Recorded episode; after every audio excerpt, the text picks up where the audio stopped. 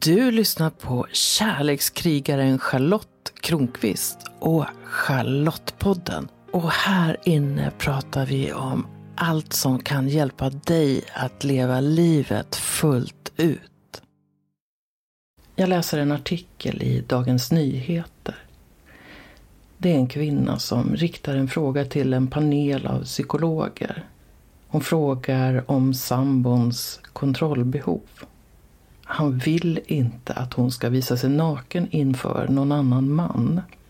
Det gör att hon inte får gå naken i lägenheten eftersom det ligger ett hus 75 meter bort. Att hon blir ifrågasatt när hon vill gå till badstranden och att hon inte får anlita en manlig kiropraktor. Jag får rysningar när jag läser texten. Hon älskar den här mannen. De har en fin relation. Om det inte bara var för hans kontrollbehov. Jag får lust att skrika. Spring din väg fort som fan. Det kommer bara att bli värre.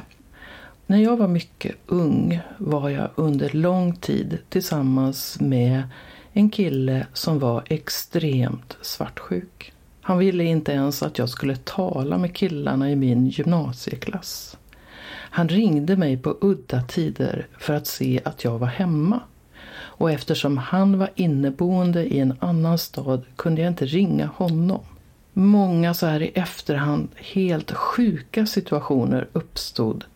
Ibland blev han våldsam mot mig. Trots det tog det tid innan jag gick. Han var ju så snäll egentligen, innerst inne, intalade jag mig. Då kände jag inte till begreppet kontrollbehov. Jag såg bara hans extrema svartsjuka.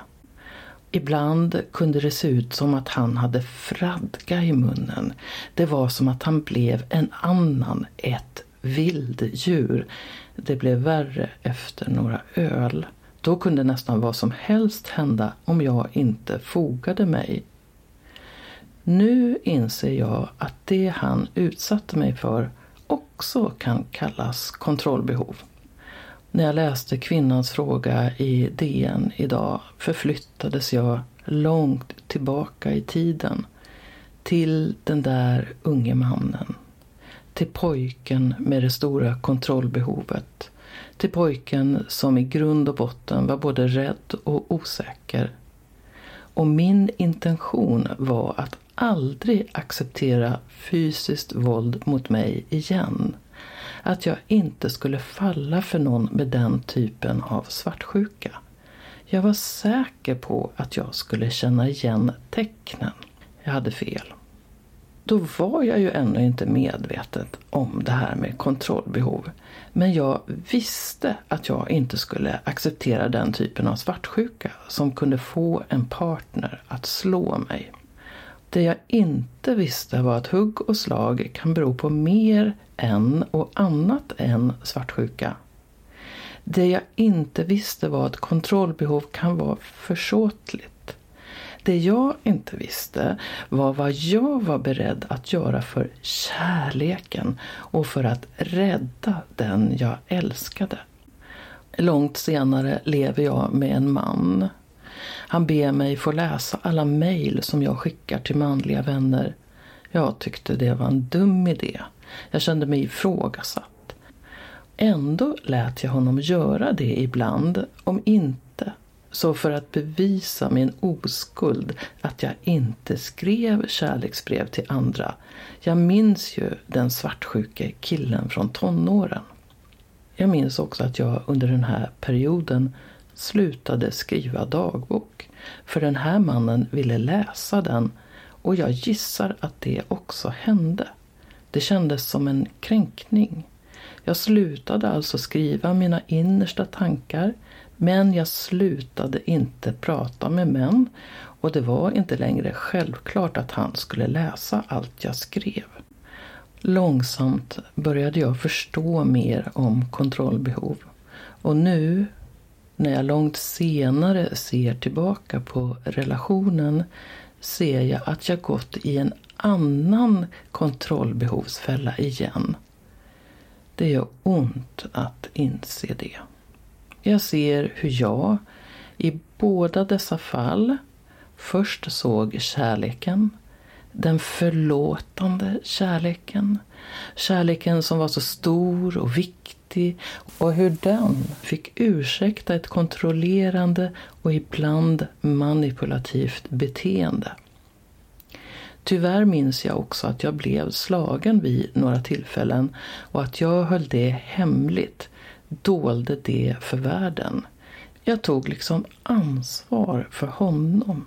Jag klarade varken att visa att jag levde med en man som kunde ta till knytnävarna eller att lämna honom då. Mammagestalten i mig förlät honom. Jag ryser när jag tänker på det och jag får ett tryck över hjärtat.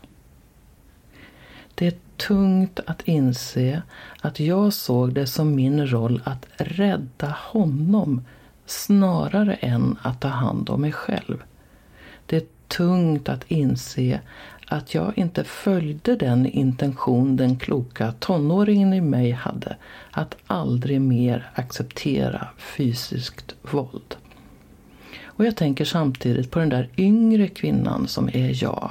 Kvinnan som så längtade efter kärlek och gemenskap att hon tillät detta, att hon ursäktade detta. Kanske jag kan se spår av min egen arrogans i mina beslut att stanna så länge som jag gjorde med dessa pojkar och män. Ibland är det som att ett begrepp kan göra att blicken blir klarare Alltså, när jag blir medveten om ett begrepp och vad det står för så blir det lättare att se just det. Nu kan jag ofta se kontrollbehov i mig och runt mig. Jag kan se det i världen. Är inte krig det ultimata sättet att uttrycka kontrollbehov? Det som väcktes i mig idag och som jag verkligen vill lyfta är den sortens kontrollbehov som handlar om någons vilja att kontrollera andra. Du ska vara och agera på ett sätt som jag accepterar annars. För mig handlar skamkulturer i hög grad om att kontrollera andra. Svartsjuka kan också vara ett sätt att agera ut kontrollbehov. Men varifrån kommer viljan att kontrollera andra? Vad säger det om personen som vill vara i kontroll? Vad är mannen som inte vill att andra ska se sambons nakna kropp rädd för? Det kan jag inte veta. Jag vet ju inte ens orsaken till att pojkar jag mött och älskat velat kontrollera mig på olika sätt. Jag vet inte ens om de är medvetna om det själva. Kanske de lägger skulden på mig. Men jag behöver inte veta svaret. Jag behöver inte förstå dem. Jag behöver inte rädda dem. Det finns ju en väldig massa sorters kontrollbehov. Jag kan ha kontrollbehov som gäller mig och mitt beteende. Du kan ha kontrollbehov över dig och ditt beteende. Och jag tror att det är viktigt och smart att börja med att se till mitt eget kontrollbehov och i vilken mån jag försöker kontrollera andra. Jag menar att det är viktigt att göra det. Se de egna drivkrafterna. Se den egna rädslan och osäkerheten. Vad är det jag vill kontrollera? Och när glider det över till att försöka kontrollera andra? Ibland kan kontrollbehovet handla om att rädda andra. Rädda andra från att göra bort sig till exempel. Det finns människor som ibland säger fel saker vid fel tillfälle och de som försöker rädda en person som är på väg att klampa i klaveret, oftast genom att säga som det är. Varför är den där farbrorn så tjock, mamma? Kan ju vara jobbigt att höra för en mamma. Jag minns hur personen nära mig ville rädda den person som var på väg att göra bort sig. Till exempel genom att spänna blicken i dem som för att säga säg inget mer. Eller som trampade någon på foten för att få dem att tystna.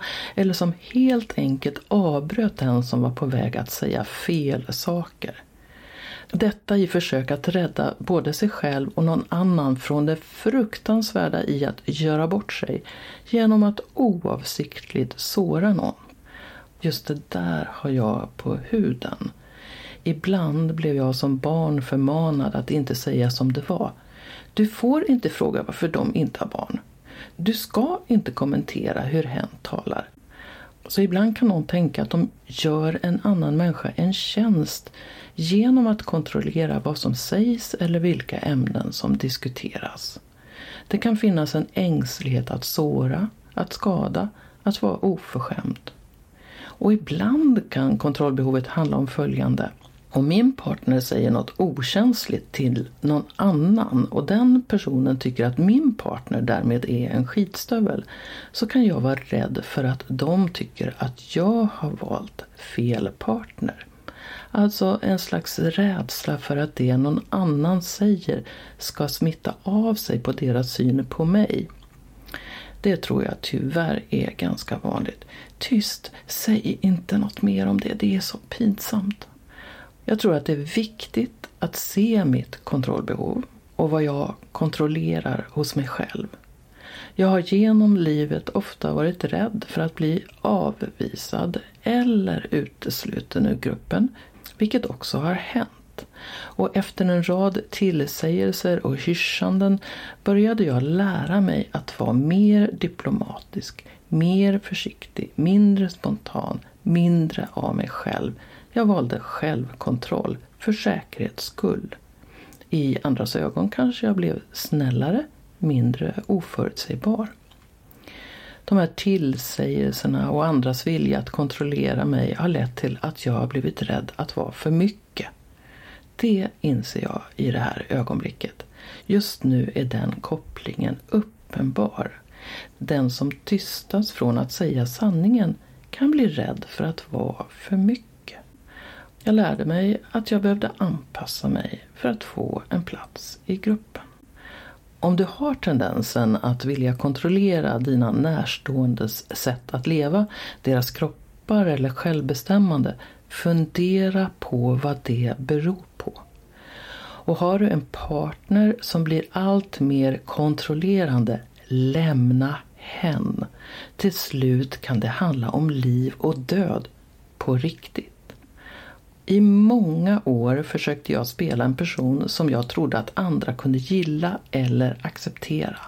Jag var helt övertygad om att jag var tvungen att dölja den jag verkligen var, mina innersta tankar och känslor. En del såg igenom det där och såg mig som svår att komma in på livet. Andra märkte inget.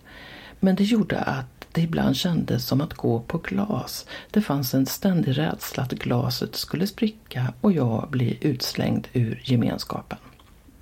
Så gick jag en utbildning till kroppsterapeut. Jag började berätta om mig själv. Jag delade mina rädslor. Jag talade om mörkret i mig. Jag talade också om ljuset. Och det märkliga hände. Kärlek strömmade emot mig. När jag släppte kontrollen om vad andra skulle kunna tänka om mig blev jag mer autentisk.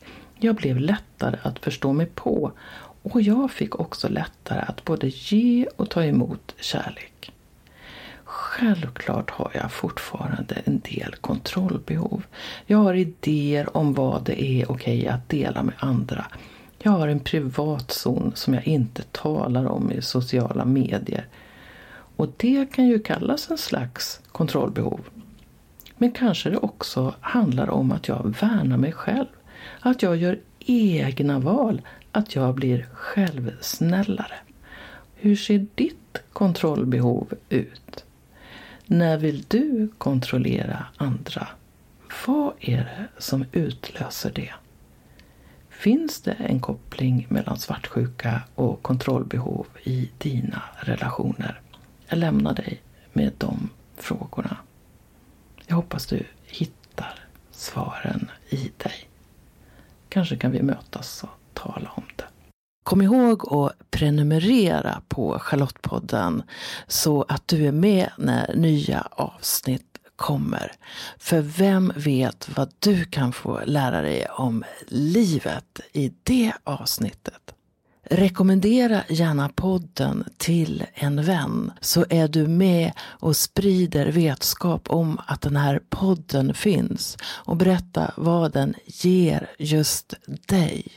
jag skulle bli så glad om du också går in i din podcast-app och lämnar en kommentar eller skriver en recension av podden. Ju fler som gillar podden öppet, desto fler kommer också att hitta den.